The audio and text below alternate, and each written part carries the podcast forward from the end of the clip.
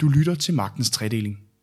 En podcast, der sætter spot på de udviklinger, der præger vores samfund, og som sætter dem i et juridisk perspektiv. Now, it is incumbent upon us lawyers not to just talk about the truth, but to actually seek it, to find it, to live it.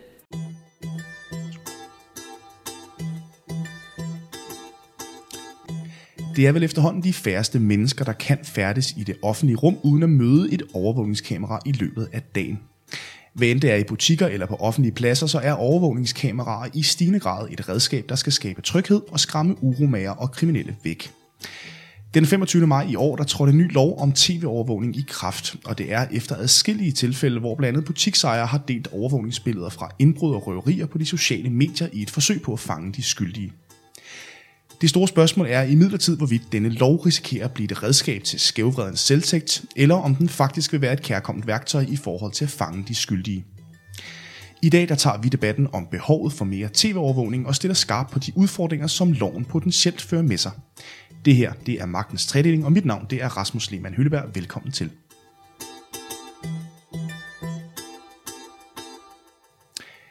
I dag er jeg så heldig at have to meget spændende gæster i studiet. På min ene side Henrik Lundgaard Sidenmark, du er chefkonsulent for handel hos Dansk Erhverv. Og på den anden side Malene Winter Plads, du er partner IT-advokat hos DLA Piper. Velkommen til begge to. Tak. Tak. Øhm, for lige at bryde isen, så kunne jeg godt høre, om øh, I nogensinde har oplevet et butiksteori på øh, egen krop. Jeg har faktisk en enkelt gang øh, taget en i et butikstyveri øh, lige foran kassen, og kunne i virkeligheden gribe ind og sige til kasseassistenten, at der var noget ned i barnevognen her, der skulle have været betalt for, og så fik vi fisket de ting op igen. Og Så det var sådan en meget analog pågribelse. Meget, meget analog pågribelse, ja. og der var ikke mere dramatik over det, og Nej. så var det problem løst. Hvad med dig, Malene? Jeg har ikke oplevet det. Nej. Nej, det har jeg ikke. Du har været forskånet for det. Ja, det sker jo selvfølgelig hele tiden, det ved vi. Ja. ja. Øhm, den 25. maj i år, der trådte den nye lov om tv-overvågning i kraft. Malene, kunne du ikke starte med lige at skitsere, hvad er ændret i den her nye lov?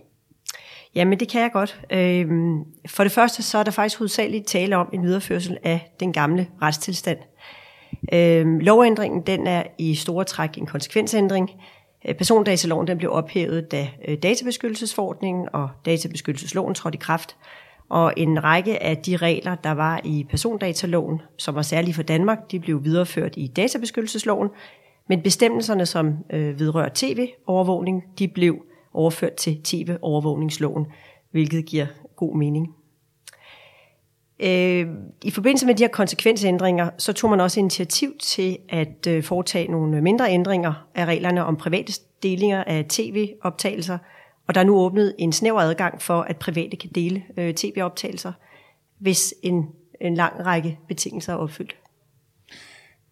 Og Henrik, du som repræsentant for det danske erhvervsliv har jo været med til at udforme det her lovforslag. Hvorfor var der behov for ny lovgivning i forhold til tv-overvågning? Ja, det vi jo kan se, det er, at der findes jo grundlæggende to former for butikstyveri, hvis man skal skære det kort op. Det ene er dem, der stjæler, fordi de ikke har råd til de varer, der er i butikken. Øh, det kan være mad eller tøj på kroppen, eller nogen, der stjæler noget, fordi de bare må eje, der ikke vil betale for det. Og så findes der den anden type øh, butikstyveri, som er nogen, der stjæler, fordi de gerne vil sælge det videre.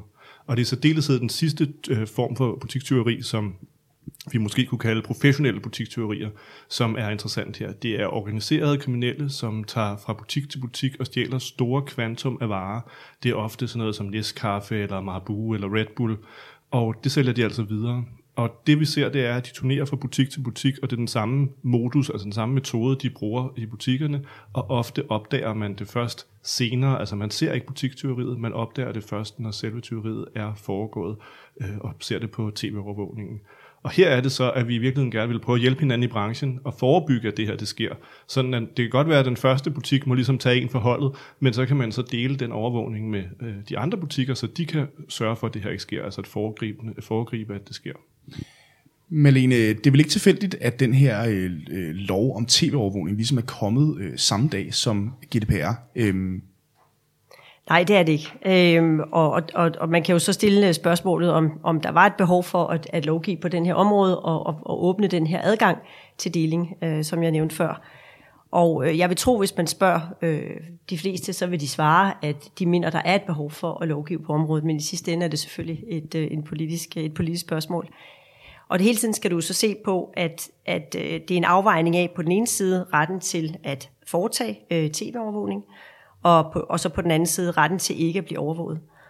Og øh, reguleringen den er blandt andet blevet værksat for at beskytte øh, os som borgere imod øh, unødigt at blive, øh, blive overvåget. Og det er klart, der er nogen, der vil være ligeglade med at blive overvåget. Øh, det vil der være, men der er også en, øh, der er kommet noget skærpelse på området, der er kommet en, en anden overvågenhed omkring området, og der er flere, der er blevet opmærksom på den her lovgivning.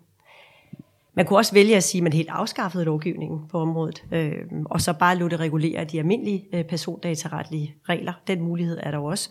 Øh, men altså, man skal jo stadigvæk sige, at hovedreglen er jo, at det er forbudt af private at foretage tv-overvågning og dele den her tv-overvågning. Og, øh, og hvis man nu valgte at sige, nu vil vi ikke have lovgivning, specifik lovgivning på området alligevel, så vil der fortsat ikke være en fri adgang.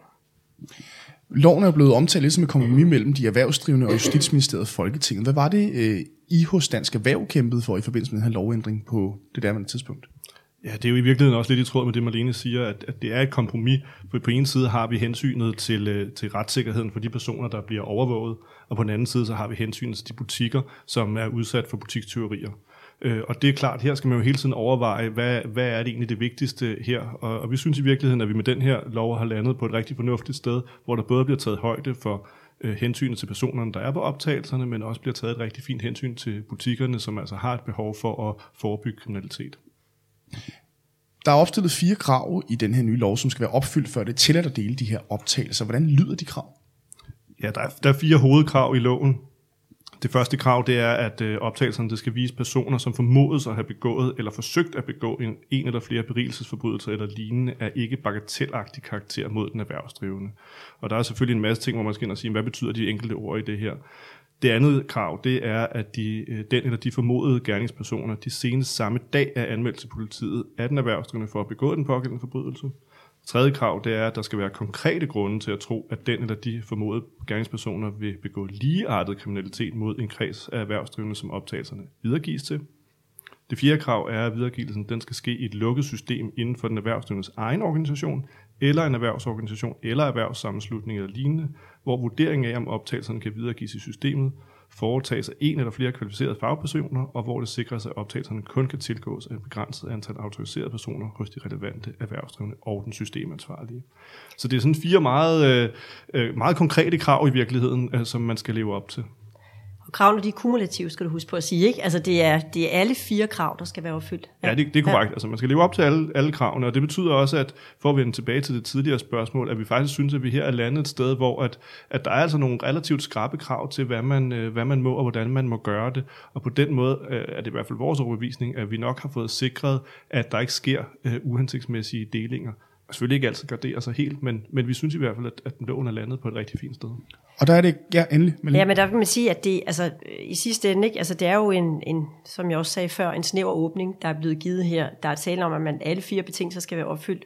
Og i sidste ende, så er det jo faktisk den erhvervsdrivende selv, som, som vi siger, bærer risikoen for, at, øh, at kriterierne de er, øh, de er opfyldt, øh, når, når de her optagelser de bliver videregivet. Men jeg kunne godt tænke mig at prøve at dykke ned i lidt af de krav her, fordi som du selv siger, Henrik, det første krav handler om det her med, at optagelsen skal vise personer, der begår eller forsøger at begå forbrydelser af ikke bagatelagtig karakter. Øh, et, Malene, hvem definerer hvad er ikke bagatelagtig karakter? Jamen altså, det er jo sådan set øh, defineret i forarbejderne til, øh, til loven. Der står der, og øh, der står der faktisk en definition på, hvad der menes med det.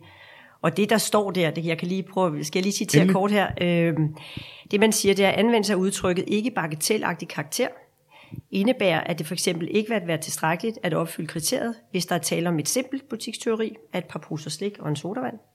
Omvendt så vil butikstyverier eller forsøg herpå øh, af en værdi for over 500 kroner isoleret set opfylde kriteriet.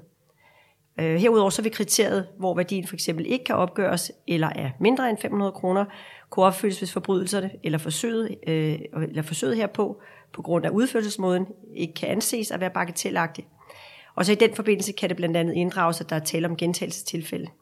Øh, om det henset til udførelsesmåden har professionel karakter eller virker organiseret, som du også nævnte før. Ja, præcis. Men kunne man ikke med den her beskrivelse tænke sig, at øh, der øh, er nogen butiksejer, der tænker, øh, jeg synes ikke, det er bagatelagtigt, at, øh, altså, at tyveri af en simpel sodavand, eller en pose slik, eller noget af værdi til under 500 kroner, at det er vigtigt for mig som, hvad skal man sige, som erhvervsdrivende, og derfor så, øh, så bare ligesom ser det her som et, øh, som et redskab til at, øh, at virkelig få folk ned med nakken, hvilket jo, kan man sige, jo nok er fair nok, men det er vel ikke inden for lovens rammer?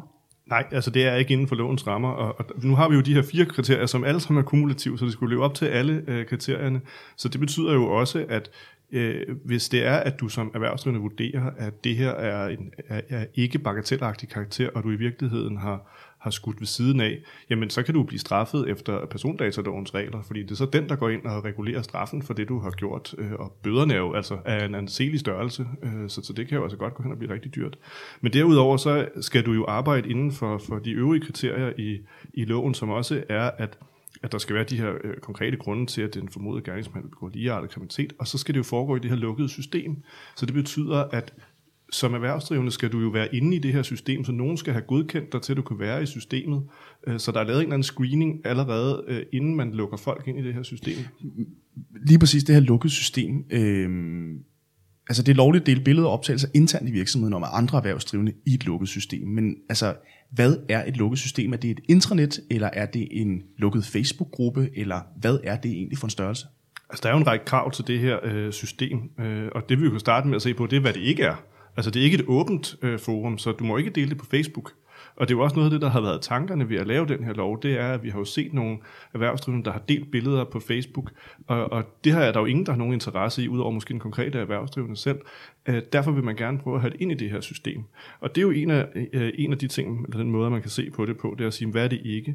Men så er der også det, at det lukkede system, det skal være inden for egen virksomhed, eller inden for en erhvervsorganisation eller erhvervssammenslutning. Øh, og det kunne jo for eksempel være hos Dansk Erhverv, og vi er faktisk ved at lave sådan et system, som vi regner med at have klar i starten af næste år.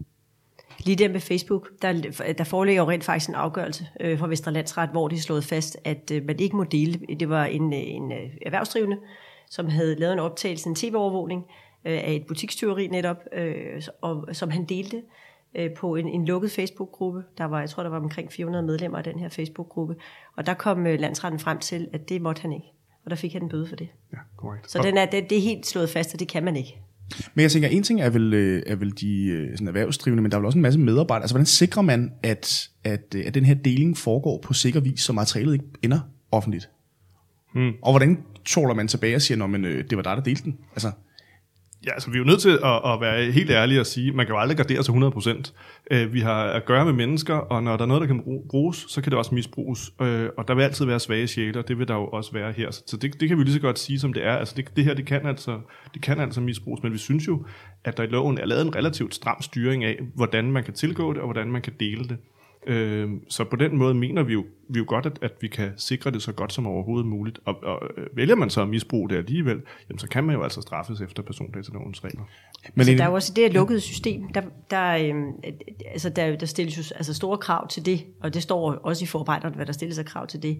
Og jeg ringede til datatilsynet for at høre, om der var om der var nogen, der havde øh, forsøgt at anmelde eller få godkendelse til, til et sådan system det har de ikke kendskab til endnu. Så vi ved, at, øh, at den her øh, nye, eller den her ændring af loven, den er ikke blevet anvendt endnu, fordi det er jo som sagt er alle fire betingelser, der skal være opfyldt, og godkendelse fra datatilsynet af systemet. Ja, og i et lukket system, som så ja, skal implementeres. Ja, det netop. Ja. Men man kan sige, ofte mange af dem, øh, altså, eller i hvert fald de øh, eksempler, der er kommet frem i medierne og i pressen, har jo været mindre erhvervsdrivende, som jo måske ikke har været en del af en større virksomhed, en Coop eller en Selling Group eller lignende. Øh, og det vil også, altså de skal vel også have et lille lukket system til at dele det her med medarbejdere. Øhm, altså hvad er det for nogle krav, øh, den her lov stiller til sådan mindre erhvervsdrivende? Den stiller jo de samme krav til de store erhvervsdrivende og de små erhvervsdrivende. Det, den er jo ikke, der er jo... Øh... Nå, men jeg tænker, derfor kan det vel godt være problematisk for en mindre erhvervsdrivende at, at skulle etablere et lukket system til flere hundredtusind kroner med mindre at der er nogen, som jeg hører, der udvikler sådan et system, som kan stilles til rådighed for, for, for flere øh, grupper af erhvervsdrivende, så kan man sige, så er det jo ikke sikkert, at det nødvendigvis er et dyrt system. Mm. Øh, det, det ved jeg egentlig ikke på nuværende tidspunkt, hvor meget sådan et system vil koste. Altså det system, vi, vi er ved at lave, øh, det stiller vi gratis til rådighed for dem, der vil, vil bruge det. Men det betyder jo også, at vi screener dem, der kommer til at bruge det, for vi vil gerne have en sikkerhed for, at det, der bliver delt, det er det rigtige, der bliver delt. Øh, så vi vil ikke lukke hvem som helst ind. Øh, det, for at sige det sådan øh, groft, så er det nok de store kæder, vi vil tage med, og det er nok ikke kiosken på hjørnet, vi vil tage med. I screener vel ikke de oplysninger, der bliver lagt ind? Eller de tv-optagelser, der bliver lagt ind? Nej. Vi screener ikke oplysninger, vi screener de virksomheder, ja. som vi lukker ind i okay, systemet. Okay, på den måde. Ja. Det er du glad for at høre, kunne jeg forestille mig, ja, i forhold til GDPR. Super fint. Men nu sagde du, at øh, hvad hedder det, øhm, at ingen har, du nævnte noget i forhold til, at ingen har ligesom øh, benyttet sig af den her lov endnu. Jeg, jeg ringede til datatilsynet for at høre, om der var nogen, der havde øh, anmeldt eller havde forsøgt at få en tilladelse til sådan det her lukkede system, som, som loven omtaler. Og de havde ikke kendskab til det. Og jeg vil også sige, øh, jeg har ikke oplevet i min rådgivning af, af virksomheder øh, og offentlige myndigheder, der har jeg ikke oplevet, at der er nogen, der har, kan man sige, haft stor interesse, eller i hvert fald efterspørgsel på, de her, på det her område. Jeg oplevede det lidt for vores internationale øh, klienter. Der, der er en større, øh, en, en, en større interesse for reglerne. Men hvad har den her lov haft af betydning indtil videre? Henrik, har det ændret noget? Ja, altså i Dansk Erhverv er vi ved at etablere det her system, øh, og, og vi har selve systemet er klar. Øh, det vi mangler, det er at gøre ansøgningen til datatilsynet færdig, og vi er i dialog med datatilsynet om, hvordan det skal se ud, og hvordan vi kan gribe det an, for vi vil egentlig gerne lande den så godt som overhovedet muligt, så ingen af os spilder unødig tid på, øh, på hvordan den skal godkendes. Så, så PT, så har den jo ikke øh, umiddelbart haft nogen effekt, som Malina også siger. Øh, det kræver jo, at der er nogen, der har lavet det her system, og, og jeg er enig, jeg har heller ikke hørt, at der skulle være andre end os, der var i gang med at lave det her system. Men der står i lovforslaget, at det omhandler, øh, citat, mulighed for deling mellem erhvervsdrivende af billeder og lydoptagelser fra tv-overvågning af formodede gerningspersoner med videre, citat slut. Formodede gerningspersoner er jo ikke dømt endnu, og er dermed per definition jo ikke skyldige. Hvad kan det få konsekvenser, at man kan dele billeder af personer, som ikke er dømt skyldige nu? Nu ved jeg godt, det er inden for lukkede systemer, men er der ikke en risiko for, at man dømmer folk på forhånd?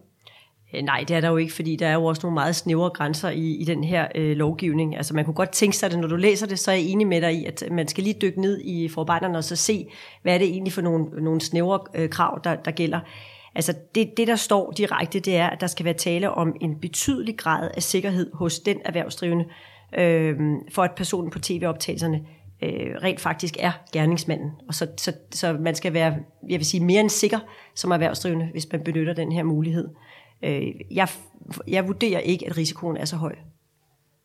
Jeg er helt enig. Øh, det vi har set af optagelser tidligere, det er meget, meget tydeligt, at det er nogen, der er i forening går ind og stjæler. Man kan se tyveriet på optagelsen, så der er, ikke, der er ikke tvivl om, hvad det er, der foregår. Og det er den her type tyverier, vi, vi ser skal deles. Det er ikke små rapserier af en cola og, en, øh, og noget slik. Det er altså store organiserede tyverier af flere mennesker. Altså, jeg vil sige, at øh, der er jo den beskyttelse også i den her lovgivning, det er, at øh, hvis det vedrører en bestemt gerningsmand, så kan man ikke bare øh, optage, man kan ikke bare videregive og dele oplysninger, øh, billedoptagelser af andre øh, mulige personer, fordi der vil jo sikkert ofte på sådan en tv-optagelse være mange andre mennesker på optagelsen. Og det skal man sløre, øh, anonymisere osv., øh, for at kan bruge den her, øh, den, eller anvende den her mulighed. Men der er vel stadig en pointe i, at man jo i Danmark er skyldig, indtil det modsatte er bevist. Risikerer man ikke det her med at, at ligesom sige, jamen, øh, nu ved jeg godt, at altså, hvis du står med hånden nede i kagedåsen, så er du per definition skyldig, men du er ikke blevet dømt endnu. Nej, og tanken med det her er jo lige præcis forebyggelse. Det er ikke opklaring.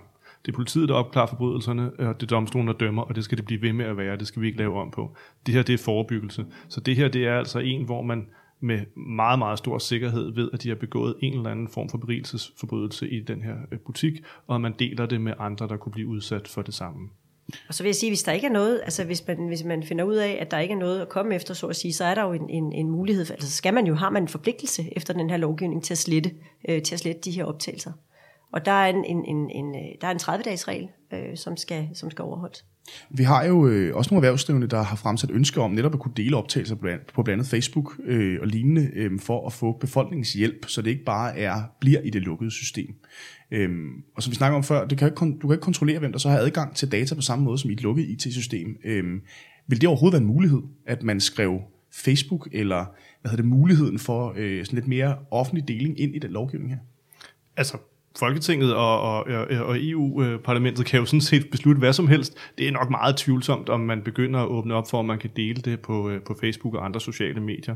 Og det er problematisk, hvis det kommer ud i det forum der. Der er jo ingen kontrol over det overhovedet. Altså det, det kan cirkulere hvor som helst. Og det er jo også det, der har været noget af tanken med den her lovgivning. Det er at undgå, at det kommer på sociale medier, og det i højere grad bliver i det her lukkede system, som er i mere kontrolleret, og der er nogle folk, der har styr på, hvad der foregår.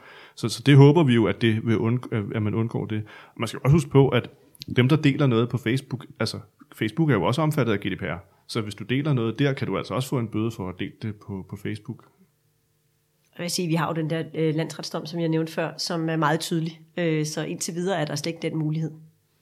Vi må gå ud fra, at, at de her bøder får en eller anden form for regulerende effekt, ja. sådan at, at der er folk holder op med at dele det på Facebook. Så øh, bødeniveauet i Danmark indtil videre efter den her lovgivning og efter øh, øh, persondatalovgivningen er jo, er jo ikke store. Øh, men vi, vi venter og ser, hvad, hvad datatilsynet kommer frem til. Øh, vi har jo ikke set de første øh, bødesager nu efter den nye lovgivning. Øhm, Henrik, ønsker I fra Dansk Erhvervsside at ændre loven yderligere, så det bliver tilladt med en mere omfattende deling af materialet? Altså på nuværende tidspunkt er vi faktisk rigtig tilfredse med den øh, lov, der ligger. Men det afgørende er jo i virkeligheden, hvordan den fungerer i praksis, og det har vi jo ikke set endnu. Øh, så vi må jo først vente og se, hvordan fungerer det her, når det her kommer ud i, i den virkelige verden og skal fungere. Hvis det så er, at det faktisk ikke fungerer, at de her restriktioner, som er stramme, om de er for stramme, og det så viser sig, at det ikke får nogen effekt, så må vi ud og råbe højt til politikerne, og så sikre, at det, at det, kunne, øh, det kunne blive udvidet. Men noget af det, som jo kunne være øh, relevant at se på, det er jo i virkeligheden en, form, en anden form for deling, nemlig deling af, af data. Øh, jeg ved godt, det ikke lige helt ligger i tråd med det, men det, men det er noget, vi jo også ser ind i, det er, at vi ser økonomisk IT-kriminalitet, og der kunne det jo være relevant, at man kunne begynde at dele andre former for, for data end, end billeder til at forebygge øh, for eksempel betalingskortsvindel.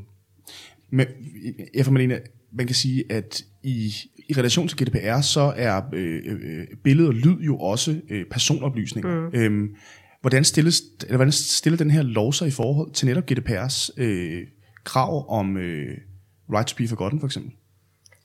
Jamen der har vi jo, altså der kan du sige, der har vi jo først og fremmest de her øh, regler om sletning. Øh, og jeg vil sige, ved siden af dem, der gælder jo så, øh, som vi også sagde før, øh, begge to, der gælder øh, databeskyttelseslovgivningen, og det er både loven og forordningen jo ved siden af.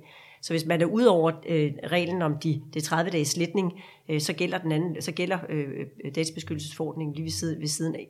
Hvem er det, der fører tilsyn med det her? For jeg tænker, altså, kunne man ikke risikere, at der så bare øh, på en eller anden server hos øh, en lokal øh, Kvickly eller Netto, så man bare lægger videooptagelser øh, i lang tid.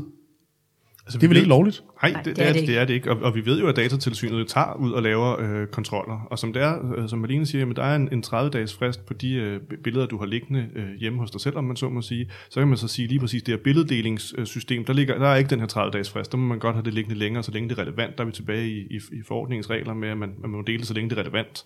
Øh, men der er jo en risiko for, at der er nogen, der har liggende.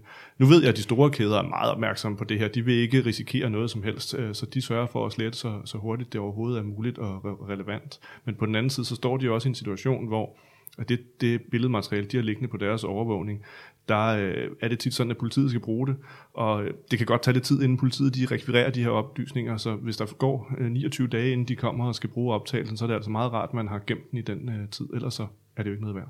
Og så vil jeg tilføje, at datatilsynet, de har øh, deres øh, politik er, at de er ret skrabe i forhold til de her sletningsregler. Så, så det er noget, det er, det er den øh, linje, de har lagt, og vi har ikke set, at de har, de har afvidet den der, den der lidt skrabe linje i forhold til overholdelse af, af, slette, af slettereglerne.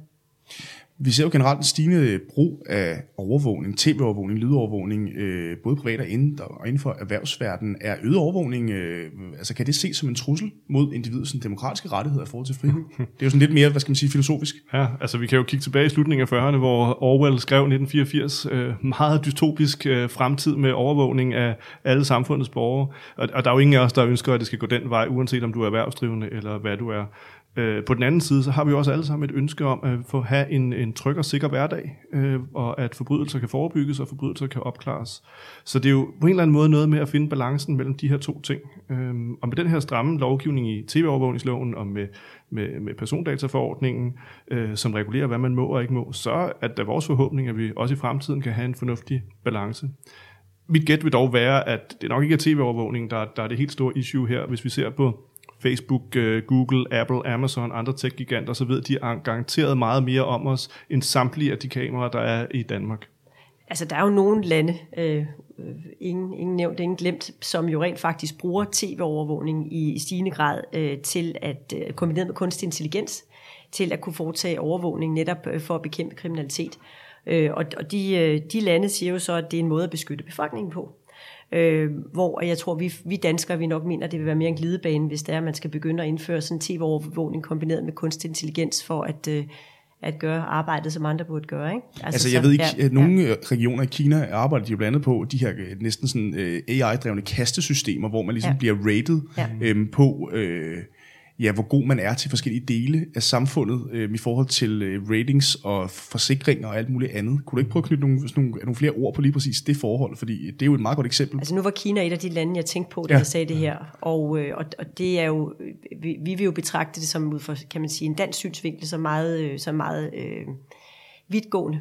Øh, og, og, og, og jeg vil sige, når vi taler, som vi startede sådan set med at gøre den her lovgivning, det er jo, det er jo igen en balance mellem Øh, på den ene side en beskyttelse af os som borgere i forhold til vores øh, ejendomsret til vores egne billeder øh, og optagelser af os selv, øh, mod selvfølgelig bekæmpelse af kriminalitet, for eksempel fra erhvervsdrivende side, så, så tror jeg ikke helt, der er den der afbalancerede holdning i for eksempel Kina, til, øh, til når, når man indfører sådan en lovgivning, som de har gjort, eller mulighed. Ja. Men kan I ikke godt forstå, at, øh, at, at, at man kan sige, meget kritikken omkring tv-overvågning handler jo netop omkring det her med, at det ligesom er et indgreb i den personlige frihed, på trods af, at man, kan man sige, lovgivningen er jo lavet, som du selv siger, den er lavet forebyggende. Altså lige præcis den balance her, tror du, altså tror I, at, øh, altså, at man fra regeringens side og mediernes side er gode nok til ligesom at beskrive lige præcis det her forhold, at det jo handler om forebyggelse? Det er, ja, det er jo et rigtig godt spørgsmål, du stiller der, fordi folk vil nok opleve det som en, en eller anden form for indgriben i deres personlige frihed, og man tænker, og mange tænker det som i virkeligheden øh, øh opklaring. Og det er jo vigtigt her at skille tingene ad. Det er altså politiet, der skal opklare forbrydelserne. Det er domstolen, der skal dømme, og det her det er ren forebyggelse. Det butikkerne jo har gjort i mange år, det er, at de har lavet varesikring, de har lavet ting, de har låst inde i glasbuer, øh, de har sat kameraer op som mere præventiv effekt. Men vi er bare et sted, hvor at kriminaliteten den udvikler sig som, som vand, så finder kriminalitet vej, hvor der er huller. Og, og det er altså det, vi ser her. Så vi er nødt til at tage nye metoder i brug, og hver gang vi tager nye metoder i brug, så tager de kriminelle også nye metoder i brug ja, uden at vi behøver at gå meget videre, synes jeg, end vi, end vi har gjort i dag. Og jeg synes også, det er fint, at vi har en, at, at der er netop nogle, nogle krav, der skal opfyldes, for at man kan bruge den her lovgivning. Og så synes jeg stadigvis, vi skal huske på, at det er, der er jo et forbud mod, at, øh, at private foretager tv-overvågning. Øhm, så, så, så det er altså på områder, hvor der er almindelig færdsel. Altså det, det synes jeg, det er, en, det er en pointe stadigvæk. Altså vi har stadigvæk et forbud, og det her, det er en, en lille åbning, der er blevet gjort for at forebygge kriminalitet, og ikke mere end det hvad hedder det, hvordan ser I udviklingen i forhold til tv-overvågning i fremtiden? Altså kommer vi til at se mere af det? Kommer vi til at se øh, andre former for øh, overvågning eller øh, præventive foranstaltninger? Vi kommer helt sikkert til at se mere overvågning, men vi kommer også i højere grad til at se smartere overvågning. Øh, og det er også det, øh, Marlene nævner her. Jamen det er noget, der kommer til at bygge på en eller anden form for kunstig intelligens. Og det er altså sådan set ikke nødvendigvis dårligt. Det betyder jo, at man ikke nødvendigvis overvåger steder, hvor det ikke er nødvendigt at overvåge, men man til gengæld måske intensiverer overvågningen steder, hvor det er vigtigt. Det kunne for eksempel være mere målrettet overvågning, eller overvågning med noget ansigtsgenkendelse, eller tilpasset forskellige situationer, forskellige formål. Og det er ikke nødvendigvis kun i kriminalitetsforebyggende øje med, det kan også være i opklarende øje med eller lignende. Ja, for kunne I komme med nogle, nogle konkrete eksempler på, hvad det her kunne være? For jeg tænker, det vil, altså, vi vel langt ud over det der med bare at sætte et, øh, et, et kamera op præventivt uden ledning i, som ikke fungerer. Altså vi er vel ligesom øh, altså, ud over det kameraer er jo rigtig, rigtig billige i dag, altså, så det er jo ikke svært for en hvilken som helst erhvervsdrivende, eller i den forstand en privatperson, at sætte et kamera op. Øh, og det er der jo mange, der gør. Øh, og mange af de kameraer, der sidder i dag, jamen de, de kan meget mere, end de kunne for ganske få år siden. Også selv dem, du har hjemme i privatboligen, kan du have med, i virkeligheden med ansigtsgenkendelse hjemme i privatboligen. Så, så det kommer altså til at, at, at udbrede sig på den her måde. Det der er ikke nogen tvivl om. Men, men samtidig har vi jo altså noget lovgivning, der regulerer, hvor langt vi må gå, og det er rigtig fint, og det skal vi bare blive ved med at have, sådan sådan, at vi får tingene til at spille sammen. Vi skal jo så huske på, når vi gør det her, så skal vi hele tiden, altså den her kan man sige, optagelse, øh, videregivelse osv., må ikke stride mod EU-retten, og særligt ikke GDPR eller databeskyttelseslovgivningen. Og der skal hele tiden gives passende garantier for registreres rettigheder og frihedsrettigheder. Det skal vi hele tiden huske på, at det er det, vi, det er det, vi bevæger os indenfor. Så jeg, jeg, jeg, synes, jeg, jeg synes, jeg har svært ved at gætte på, inden for hvilket område man vil udvide området for tilladt øh, tv-overvågning. Det, det vi i hvert fald ser ind i lige nu, som for at være meget konkrete, det er, at vi er i dialog med Justitsministeriet på nuværende tidspunkt om en eventuel udvidelse af området, og det er et helt konkret sted, det er, at detailhandelsbutikker, de må, må overvåge deres facader. Det må en engrovirksomhed ikke. Og det kan vi simpelthen ikke forstå, der skal være den forskel. Hvorfor skal en detailhandelsvirksomhed være stillet bedre end en engrovirksomhed? Tyven kigger ikke på, om han går ind det ene eller det andet sted. Mm. Så det er sådan et helt konkret sted, hvor vi kunne se, der er nok behov for, at man justerer bare en lille smule på lovgivningen. Men med hvilket formål? Hvad er formålet? Stadigvæk med, ja. med, med forebyggelse, eller med til delvis også opklarende formål, ikke? men forebyggelse, ja. Jamen øh, rart, at, vi, øh, at, at I trods alt øh, ikke ser overvågning som en dystopi. Vi er langt fra Orwell, kan jeg godt høre her. Det er jo øh, skønt. Øh, I skal have tusind tak øh, begge to, fordi I havde lyst til at deltage og øh, give jeres øh, perspektiv på øh, det her tv-overvågningsemne. Magtens Tredeling kan hentes via iTunes, eller hvor du ellers finder dine podcasts, og så kan du altid læse mere og høre mere på k-news.dk. Magtens Tredeling og K-News er produceret af Karno Group.